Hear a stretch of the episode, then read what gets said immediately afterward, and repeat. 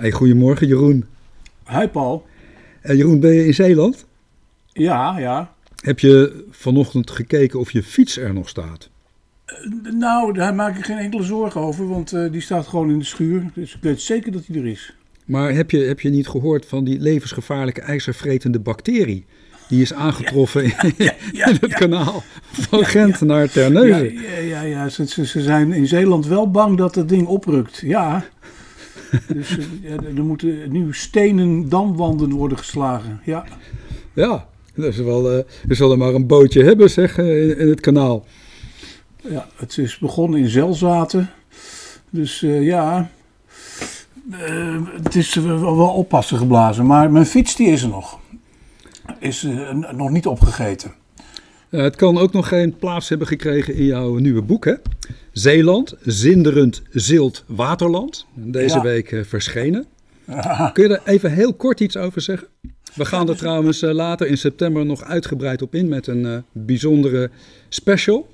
Mm-hmm. Waarbij jij vertelt over het boek. Een, een bijzondere special van Hakketak. Ja. Maar vat eens even kort samen. Nou, het is eigenlijk een ontdekkingsreis door uh, Zeeland. Die begonnen is met het idee om iets aan West-Zeeuws-Vlaanderen te doen. Waar ik sinds 2008 uh, met mijn vrouw een, uh, een huisje heb in een mooi gehucht, Sasput. En nou, dat groeide uit tot een groter geheel, omdat we bij de uitgeverij Edicola dachten dat Zeeuws-Vlaanderen alleen commercieel niet interessant genoeg zou zijn. Nou, toen uh, kreeg ik het verzoek om heel Zeeland te doen. En uh, nou, dat werd een, uh, voor mij ook verbazende, verrassende reis. In sommige gevallen zeg zelfs een, een, ongeveer het gevoel een eeuw terug te reizen in de tijd. In, bijvoorbeeld in het grote openluchtmuseum dat uh, de Zak van Zuid-Beveland is. Waar ik voor het eerst uh, met grote verbazing de stille, prachtige, parkachtige pleinen, centrale pleinen van Borselen en Nissen zag. Maar ook de tovertuinen van Ellewoudsdijk. Het perron van Hoedekenskerken met een seinwachtershuisje dat lijkt op een schilderij van Edward Hopper. En zo meer uh, door de hele provincie. Schouwen, Duiveland, Noord-Beveland met zijn voorstraatdorpen zoals Colijnsplaat. Het zeer toeristische Walcheren, dat is nu helemaal zo. En uh, dan tenslotte Zeeuws-Vlaanderen, nog steeds een grote onbekende. Zelfs voor Zeeuwen. Want Zeeuws-Vlaanderen, dat is de overkant van de Schelde. Zonder het hele boek. boek. weg te geven al. Hè? En ja. ook je, je verhaal voor straks. We gaan daar uitgebreid op in. In een special van Hakkertak. Waar ja. wil je het vandaag speciaal eens over hebben? Nou, eerst even terugblikken op de week. Dat was natuurlijk um, voor ons als uh, muziekfans uh, wel verdrietig. Met uh, eerst het bericht van de dood van Don Everly. En daarna um, werd dat nog overtroffen door het heengaan van Charlie Watts. En um, nou ja, dat trof mij toch even iets harder dan um, het overlijden van de wederhelft van de twee broers. Al... De drummer van de, de Rolling Stones, hè? Charlie Watts. Ja, Charlie Watts. Um, de heer van uh, de Stones. Man die zich volledig afzijdig hield, en dat lees je in alle stukken, van uh, de wilde rock and roll uh, cultuur met groupies en al. Nee, Charlie zat op zijn hotelkamer, de hotelkamer, te tekenen. En uh, ik herinner hem ook van die ene prachtige avond in Muziekcentrum Vredenburg in 2003. Dat uh, de Stones toen, die augustusavond, het muziekcentrum veranderde in een tampende bluesclub. Met uh, Charlie, die ongeveer 10 meter van mij vandaan. Ik stond zo'n beetje achter hem. Onverstoorbaar uh, gelaat zat te drummen. Uh, dat beeld zal mij bijblijven bij zijn overlijden. En, hey, maar dat is een uh, gekke beeldje, want je stond achter hem en je keek hem in het gelaat. Dat... Ja. Nou, Hoe deed je dat, Jeroen? Nou ja, ik, nou ja een beetje zijdelings achter hem. te, te, te, zijdelings van het, van het podium, ja. schuin zo, bij schuin achter hem. Ja. Zou je hem iets bijzonders willen toedichten voor wat betreft het specifieke geluid van de Rolling Stones? Hadden de Stones zonder hem gekund? Uh, nee, nee, hij was um, uh, niet alleen muzikant en drummer, maar ook een soort bindende kracht in het geheel. Als Keith weer eens aan het kibbelen sloeg met Mick, twee enorme opgefokte individuen, dan was um, Charlie Watts wel um, de, nou niet de vredestichter, maar de, de, de kalmerende man, de, de, de bezweerder. En voor, de rest heeft zijn drummen ook, ook wel de strakheid van hun rock and roll, hun, hun rocknummers bepaald. Hij, geen, geen tik te veel, zou ik zeggen. Maar wel elke slag was raak. Zoals bijvoorbeeld in die, die intro van Hunky Tonk Woman, vaak gememoreerd afgelopen week. Maar ik denk ook aan ehm, de, zijn deelname aan de intro van Painted Black. Een paar dreunende klappen. Charlie, grote man. Niet misschien ook de allergrootste drummer ter wereld, maar hij was gewoon wel de beste drummer van, die de Rolling Stones konden gebruiken. Met zijn jazz-achtergrond, ook dat nog. Ja, ze zullen hem uh, groots gedenken als ze straks eindelijk weer uh, beginnen. Ik geloof in St. Louis. Ik wou dat ik erbij kon zijn. Aan de andere kant ook weer niet. Ik heb ze nooit zo geweldig leuk gevonden in die enorme mm -hmm. stadionconcerten. Ik herinner me nog wel een concert in Den Haag waar ik uh, moest vluchten voor oprukkende Hells Angels. Dat was toch wel een bizar concert. Was jij daar ook niet? Het Zuiderpark 1976, ja, ja, ja, met mobiele eenheid. En voorprogramma van Kokomo, The Meters en Robin ja, Trower. Ja, wat, wat mij uh, nog uh, opviel als klein nieuws uit, uh, uit de regio, waar ik ook altijd graag naar kijk, is dat de provincie 87 miljoen krijgt om de kaalslag op te vangen die is opgetreden door het ongebreideld kappen van bomen. En er wordt gezegd hier in het artikel dat er misschien wel een miljard nodig is, zelfs oplopend in 10 jaar tot 3 miljard, om het herstel en behoud van de natuur in Nederland weer veilig te stellen. En dat zet ik eens even af tegen al die berichten van de afgelopen jaren in de krant, waarbij mensen uit de dorpen, uit de omgeving, ingezonde brieven stuurden en klaagden over de enorme kaalslag, de enorme kappen van bomen. En daar is altijd, ook door de provincie, op gereageerd als ja, dit is een noodzakelijk onderdeel van natuurbehoud. Ik zag een cartoon deze week, ik weet niet meer waar, maar uh, daar was een aantal graafmachines en zaagmachines bezig met het omhakken van bomen, omdat er natuur moest worden gecreëerd. Dat is hier schering en inslag uh, geweest en dat is ook verdedigd. Nou, dan zie je ook dat de, de kapvergunningen hier verdwenen zijn voor heel veel bomen. Je mag alleen een boom niet kappen als hij op een speciale lijst staat. Nou, ik denk dat weinig mensen op die lijst gaan kijken. En dan zie je dat als mensen zonnepanelen op een dak leggen, dat de bomen weg moeten. Hè? Want anders dan krijgen die panelen geen zon. Dus dat toch gebeurt dan ook. Maar er was ook laatst iemand die tegen mij zei dat hier in, in de gemeente vaak niet eens gezien wordt wat we verliezen. En dan zegt hij, ja, dan kijk je en dan zie je in het veld zie je twee, drie bomen staan. En dan denk je, waarom staan die bomen daar zo? En dan kijk je naar een luchtfoto van een aantal jaren geleden en dan zie je dat dat de enige twee bomen zijn die overgebleven zijn van de coulissen die daar ooit uh, was. Het was een coulissenlandschap. Maar het is het bizarre. Hè? Ik denk dat het toch ook wel weer een gevolg is van dat alles moest worden geprivatiseerd. Zoals Staatsbosbeheer ook, die dan hun eigen broek moeten ophouden. En dan uh, is er ook nog uh, alle subsidie die je krijgt voor biomassa, et cetera. En daar hebben we dan weer spijt van. Leiderschap, Jeroen, ontbreekt. Ja. Er is geen plan. Nou, eh, dat is het, dat is het tegenstrijdige van alles. Um, we leven weliswaar in een hoogst planmatige samenleving maar blijkt niet vol te houden. Uh, omdat we uh, momenteel gewoon ook heel erg meemaken dat de kern toch chaos is. Uh, Afghanistan, daar zijn we dan toch maar bij het eerste grote verhaal. ja, geen plan. Nou, Volkskrant had een grondig artikel van oud-correspondent daar in Afghanistan, Natalie Wrighton die uh, als journalisten deel uitmaakten van een groep vrijwilligers, waaronder een kunstenaar, die middels app en telefoonverkeer vluchtelingen heeft geholpen om uit Kabul geëvacueerd te worden. Dat waren Nederlanders met hun gewone Nederlandse paspoorten, maar ook Afghaans personeel zoals tolken en hun families. En eh, dat moet een onvoorstelbare chaos zijn geweest met iedereen uh, uit het buitenland, maar ook hun Afghaanse bondgenoten, die op een of andere manier probeerden weg te komen uit Afghanistan.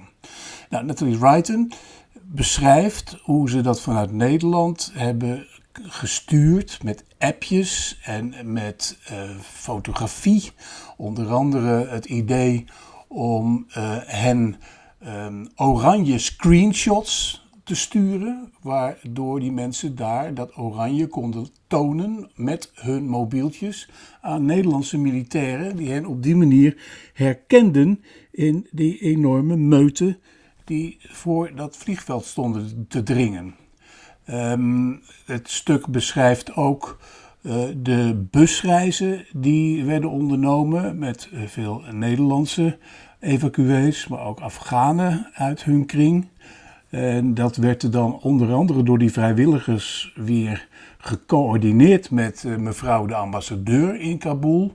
Nou, het, geeft een, het heeft een enorme dynamiek. Um, ook de beschrijving hoe de mensen in een open, door een open riool naar een soort geheime ingang bij dat vliegveld werden geleid. Eh, Buitenlandse Zaken had een dergelijk plan allemaal niet. Er is er al genoeg ophef over geweest over uh, hoeveel uh, steken er van tevoren waren gevallen. En Buitenlandse Zaken heeft deze vrijwilligersgroep niet afgewimpeld, maar is ingegaan en meegegaan met hun creativiteit. Uh, helaas lees ik er ook in uh, dat dan toch niet iedereen daarmee kon worden geholpen. Hele schrijdende familiescheidingen zijn daaruit voortgekomen. Uh, een, vrouw die eigenlijk ook haar moeder wil, had willen meenemen, maar die dan toch alleen is is vertrokken. Nou, dat is een relaas uit de vele, Paul, in, Afghanistan.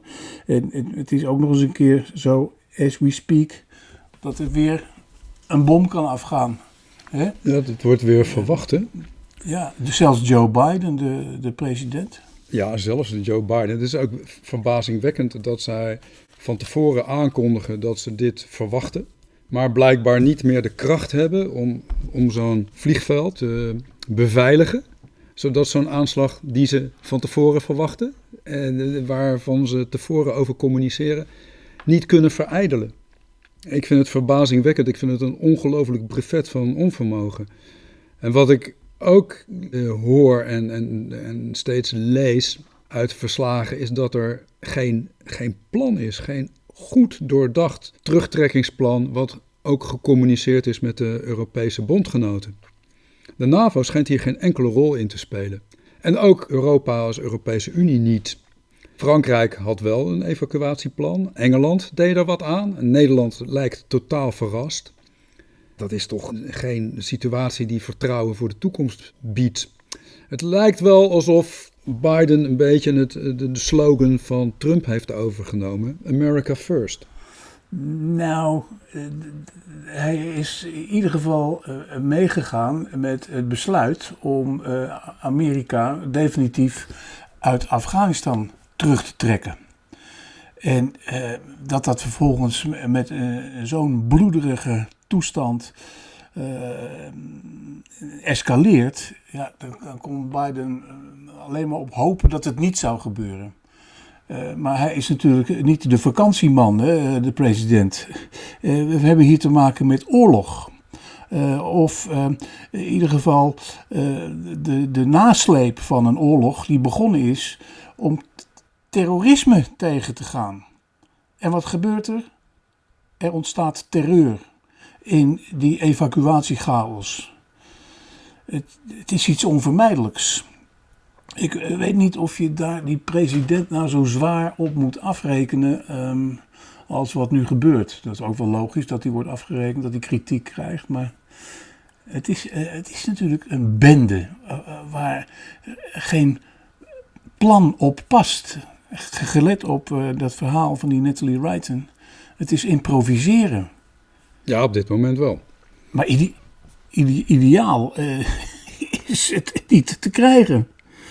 En uh, nou ja, wij, jij hebt pas geleden heel terecht gewezen op de economische basis. En vooral die, die opium die zo'n onderdeel uitmaakt van de Afghaanse, tussen aanhalingstekens, terreureconomie. Eh, in, in, in deze wetteloosheid die, die daar in dat land bestaat, hebben allerlei strijdgroepen geprofiteerd van de handel in heroïne. En de, de, de opium, de papavervelden, die zijn uitgebreid en uitgebreid en uitgebreid de afgelopen jaren. Ja, dat is extra schrijnend omdat er in het land ook honger is. En daar is uh, door Jan en Alleman aan verdiend. Daar is uh, aan verdiend door lokale krijgsheren. Mensen vanuit Al-Qaeda die zaten daar soms bij. Uh, ISIS zit er. Nou, de Taliban is er uh, groot mee kunnen worden. Maar ook de regering heeft daar ja. betrokkenheid bij gehad. Zakkenvullers. In een van de rapporten wordt verteld dat in die golfstaten enorme bouwwerken staan, gefinancierd vanuit Afghaanse overheidsmensen of mensen met veel geld. Die zijn er dus ook in Afghanistan. Ja. Ja, uh, moet je nagaan wat de contrasten. Ondertussen uh, blijkt nu die, die, Taliban eigenlijk een, een zwaar uh, failliet of sterk verarmde natie hebben overgenomen. Waarin ze het notabene toch weer afhankelijk zullen zijn van buitenlandse steun. Het is ook een, een land met potentie. Er zitten heel veel grondstoffen in, in de grond. En ook zeldzame grondstoffen. Het is ook een verklaring waarom China daar natuurlijk meteen in springt. En al eigenlijk bij voorbaat diplomatieke betrekkingen aankondigt. Rusland doet daar niet lastig over. Ja. En we hebben het hier gehad over een opbouwmissie, maar we hebben dus weinig gedaan aan de economische voorspoed van de mensen in Afghanistan zelf. Er is heel veel geld eh, besteed aan wapens en bewapening van de mensen. Maar ja, het is toch wel een hele, hele, hele trieste situatie. Maar niet aan de bezieling en um, nu krijgen de Taliban er ook nog de IS bij als interne tegenstander. En zullen wat dat betreft ook alle buitenlandse steun nodig hebben. Dus ja, ze zijn uh, wel gedwongen tot matiging, maar in, in wat voor zin, uh, dat weet ik niet. Nou ja, uh, wellicht kan mevrouw Kaag haar licht nog eens een keer opsteken. Want ik las dat Sigrid Kaag nu ook naar die regio vliegt. Ja, ja, ik weet niet wat ze daar gaat doen. Jij? Iets diplomatieks, vermoed ik. Mhm. Eh, het is, het is uh, niet passend om heel denigerend over haar te doen, want ze heeft natuurlijk wel haar, haar kennis in dat gebied. Dus ik neem aan dat ze daar ook uh, wel weet wat ze ongeveer te bespreken heeft. Onder andere bijvoorbeeld die economie, maar ook de veiligheidskwesties. En misschien is ze dan toch op, die, op dat punt wel weer beter op haar plaats dan aan de formatietafel. Nou, Jeroen, je weet, we hebben eerder gesproken over de, de formatie, over de politiek, over de verkiezingen. En we hebben altijd, gezegd van, ja, mevrouw Kaag, kiezen op een persoon, kiezen op een slogan, kiezen op nieuw leiderschap. Ik denk dat ze daar nu wel spijt van heeft. Politiek moet je zo langzamerhand toch eens meer gaan kiezen op inhoud. En niet op mannetjes, vrouwtjes en slogans als leiderschap. Want we zien dat dat op dit moment gewoon volledig ontbreekt in Den Haag. En we hadden het straks over die uh, ijzervretende bacterie. Maar misschien is er in Den Haag ook wel een politicus vretende bacterie aan de gang. Die elke geloofwaardigheid onder het politiek bestel aan het uithalen is. En daar maak ik me grote zorgen over. Het is een, uh, het is een, uh, een barre, een trage, abominabele vertoning aan het worden. waar Kaag ook helaas onderdeel van is geworden. geheel tegen haar oorspronkelijke intenties in. Ik, verdedig haar niet, maar is, ik stel gewoon vast dat het zo is. En. Weet ik niet. Het is een campagneteam die haar heeft geprofileerd op een manier waarop ze nu op wordt afgerekend. En dat is toch ook iets wat tot nadenken stemt. Ja, het, het, beeld ontstaat ook, het blijft heel hardnekkig hangen van een aantal mannen en vrouwen die heel hardnekkig proberen niet met elkaar in een kabinet te komen. En uh, over plan gesproken, uh, ik lees, uh, of ik kan me vergissen, ik lees niets over um, beleidsvoornemens in de stukken die mevrouw Hamer ook met de diverse fractievoorzitters doorneemt. Waar hebben ze het eigenlijk over? Ja, dat is ook nog een punt van aandacht. Hè? We hebben de koning uitgeschakeld in dit proces. Want het moest transparant, het moest open en het moest onder directe zeggenschap van de Tweede Kamer. Nou, dit is wel een blamage, Jeroen. Nou ja. Er is geen openheid, nee. er is geen regie. Nee. Het duurt eindeloos lang. Nee. Niemand is de baas, niemand neemt het voortouw. En wat ik zeg, er is dus geen plan. Ik, ik, zie geen, ik lees niks over essentiële beleidspunten, zoals bijvoorbeeld het klimaat, maar ook nu, hè, die vluchtelingen, immigratie. Uh, welke vorm het land aan zal nemen de komende tientallen jaren. Um, in plaats daarvan is het uh, zij wel of met hen en toch niet. De, vergis je ook niet, Paul, wij zijn ook het stemhokje geweest met iedereen. En er is een heel duidelijke electorale verschuiving zichtbaar geworden. Maar ik krijg dit indruk dat Rutte, met demissionaire positie en al, toch probeert om uh, zijn, zijn oude constructie uh, te verdedigen en daar naartoe te werken. Alleen heeft hij een probleem. Hij heeft sinds gisteren een probleem, Paul. Hij heeft sinds gisteren, zaterdag, sinds zaterdag heeft hij een probleem. Oh, vertel. De leden en de, partij, de partijraad van de Partij van de Arbeid, bijeen, uh, heeft geen beletsel opgeworpen uh, om samen te gaan met GroenLinks. En ook uit die hoek uh, komen geen ernstige uh, bezwaren uit hun achterban om uh, tot samenwerking over te gaan of door te gaan. Dat is nog iets anders dan fuseren. Maar um, in, als één front optreden in een nieuw kabinet, dat mogen ze dus blijkbaar wel van de leden. Waar eerder een kopstuk als Hans Pekman nog sterk bezwaren maakte. Dus um, Rutte zal nu wel door moeten. Met wat hij dus een linkse wolk noemde. Dat is een optie. Hij kan ook kiezen voor een minderheidsregering.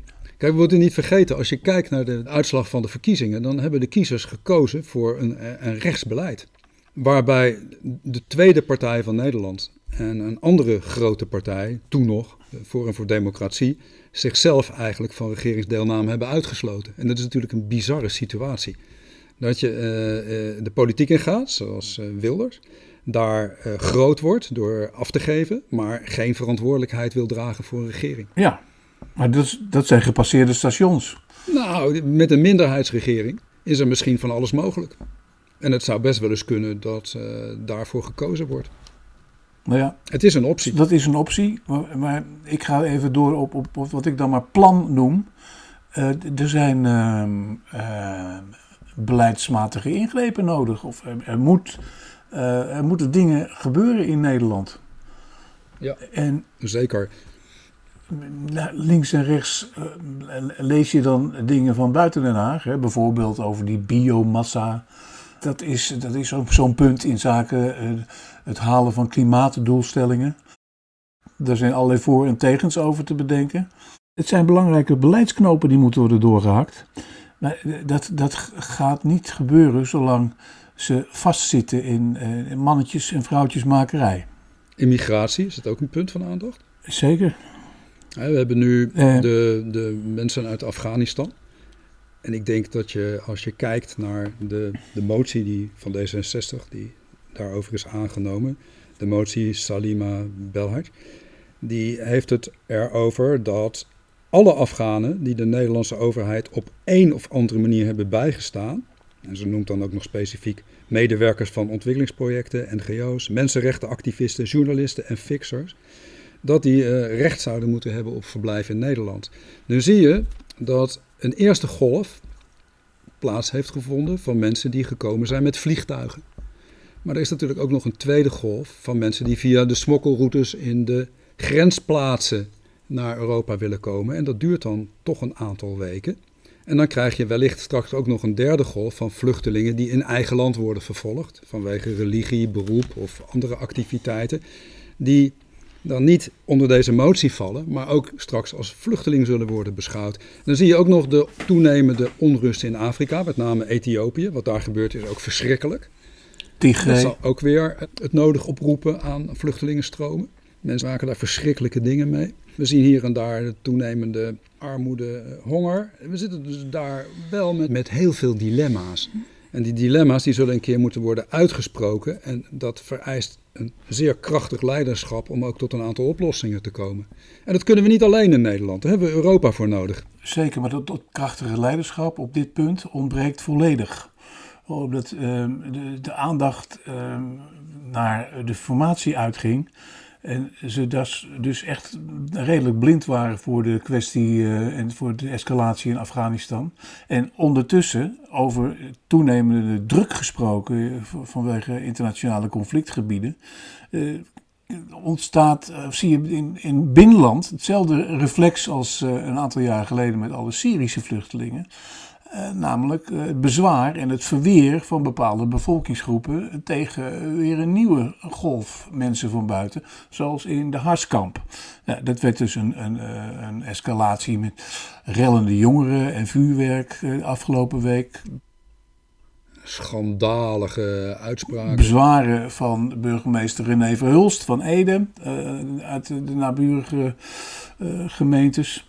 Um, daartegenover, en dat vind ik dan ook wel weer goed. Uh, alleen wordt het. Ja, daar werden verschrikkelijke uh, zaken geroepen hè, met die demonstratie. Auschwitz werd erbij ja, gehaald. Precies. dat is dan de hersenloosheid van dat soort lieden.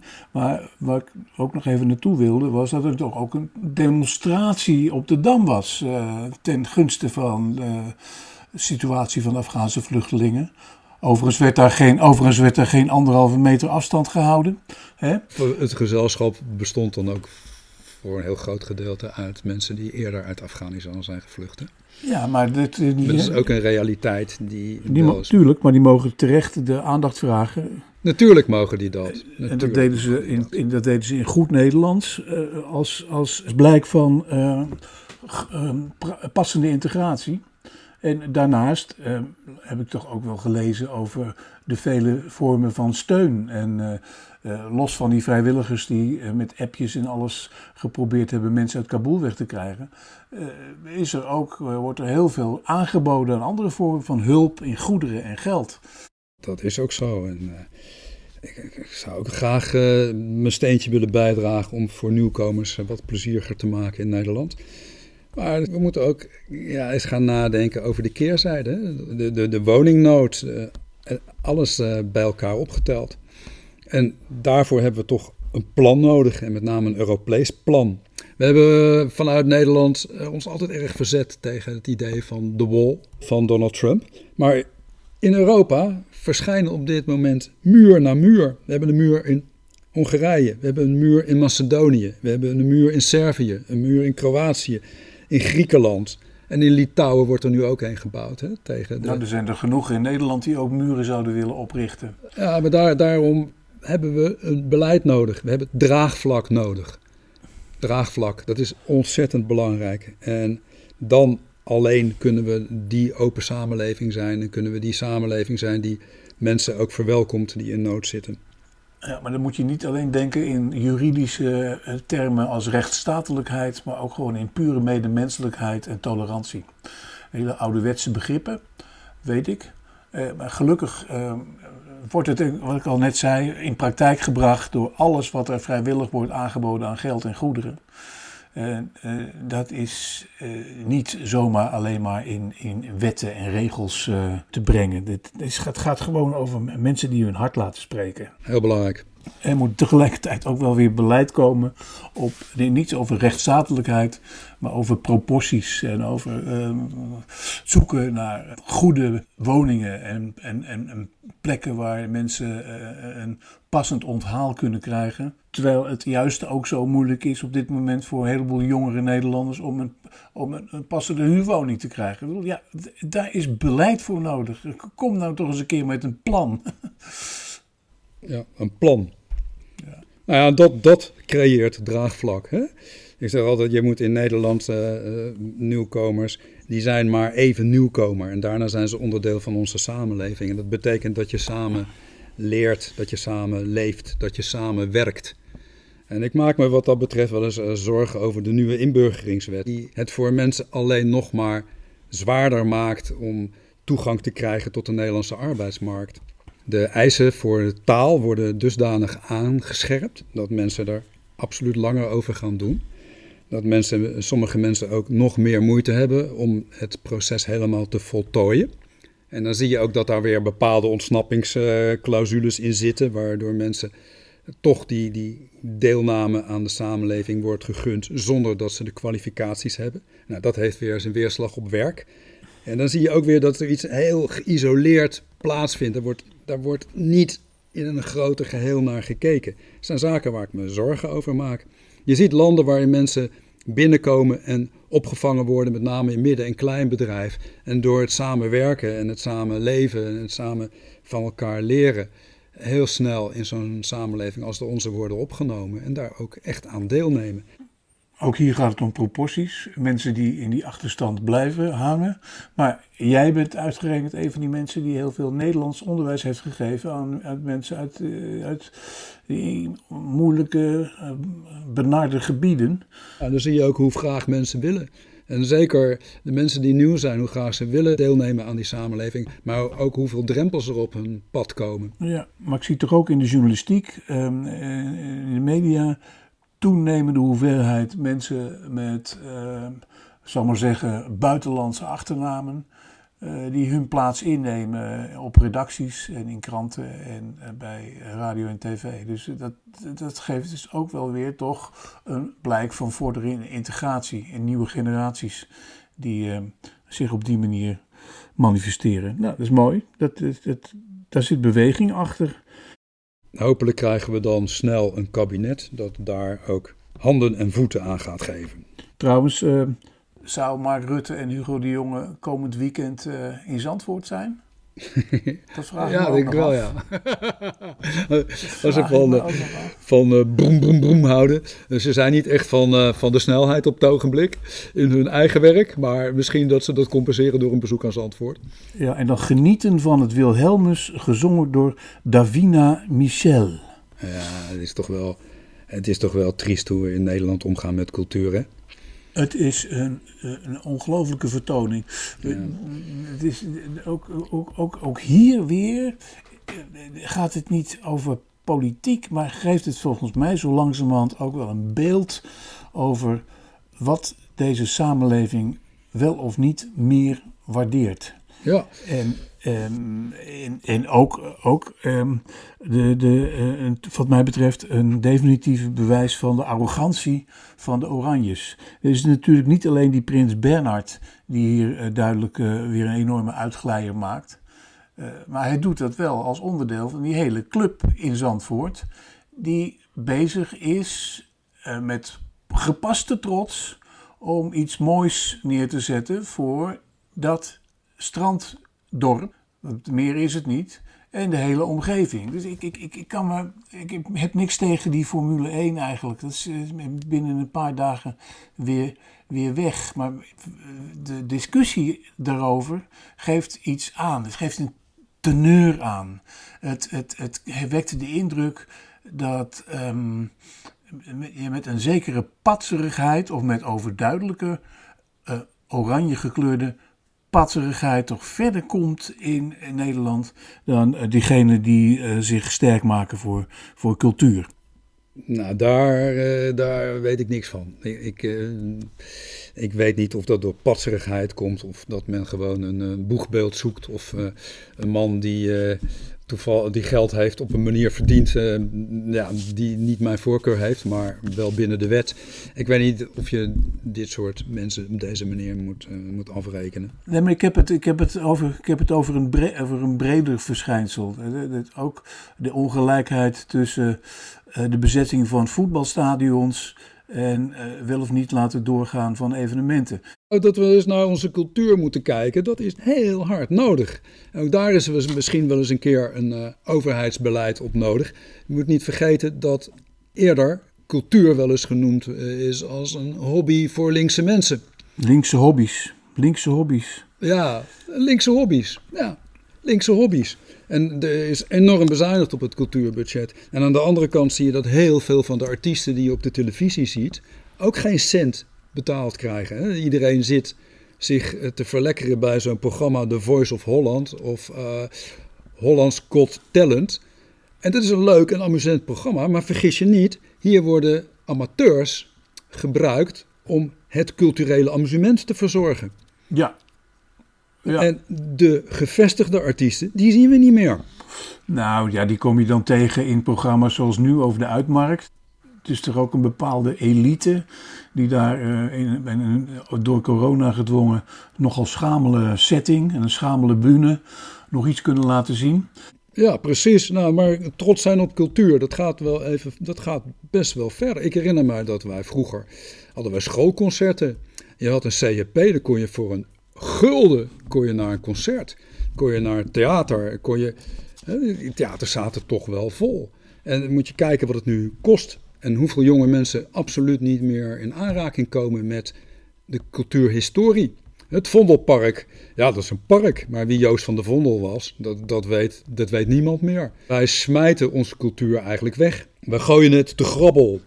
Zover is het niet, maar het is, het is wel allemaal onderdeel van een heel benauwd regelingsstelsel. Nog één klein voorbeeldje dan maar.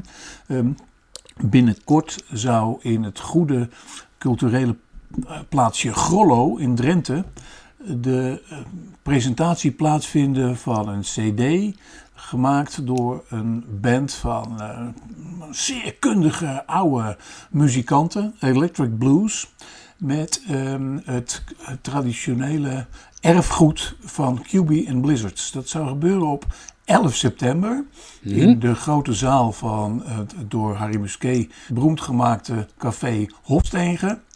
En dat is nu door de veiligheidsautoriteit in Drenthe afgeblazen.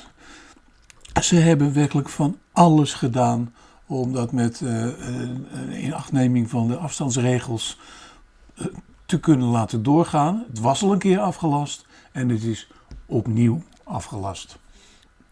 Maar kan dat dan niet gewoon in een, in een veld, buiten? Mag toch wel wat? Ik bedoel, ik heb hier, uh, woon ik vlakbij Eibergen, daar heb je leuke concerten hoor, in het openluchttheater.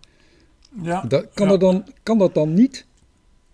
Ik weet eerlijk gezegd niet of dat uh, is overwogen. Bedenken ze zullen, het, ze, zullen, ze zullen het vast wel bedacht hebben. Maar het is goed. Misschien, misschien moeten ze dat meenemen in, in de plannen voor later. Uh, maar over het algemeen, dit is nog maar een voorbeeld uit Grollo. Um, er gaan ook wel kleine dingetjes wel weer door, hè, kleine festivalletjes.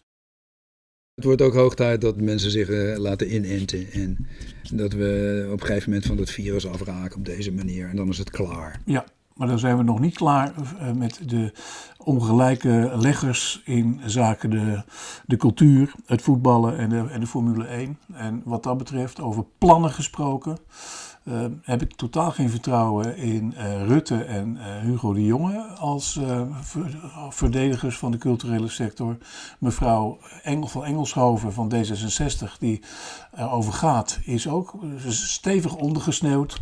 Dus ik mag hopen dat er op dit punt ook een, een bewindsindividu met meer ballen in een nieuwe regering stapt. En nou ja, voor de rest is het maar hopen op de vasthoudendheid en um, het herstelvermogen van de culturele sector zelf. De energie en de zin is er. Nou, hopelijk komt die regering er dan. Hopelijk komt die regering er dan voor kerst. In ieder geval zullen we tot half september moeten wachten. Totdat er een CDA-congres is geweest. En wie weet krijgen we daarna de vaart erin. Uh, Pieter Omzicht komt ook nog terug. Misschien dat hij zich er ook nog bij uh, kan voegen bij de mensen die uh, vaart eisen. Uh, misschien de Kamer aanzetten om eens gebruik te maken van hun geclaimde rechten bij de formatie en informatie, de openheid, etc. En anders moet de koning het maar weer doen, Jeroen. Goed zo. Tot volgende week. Hoi. Hoi.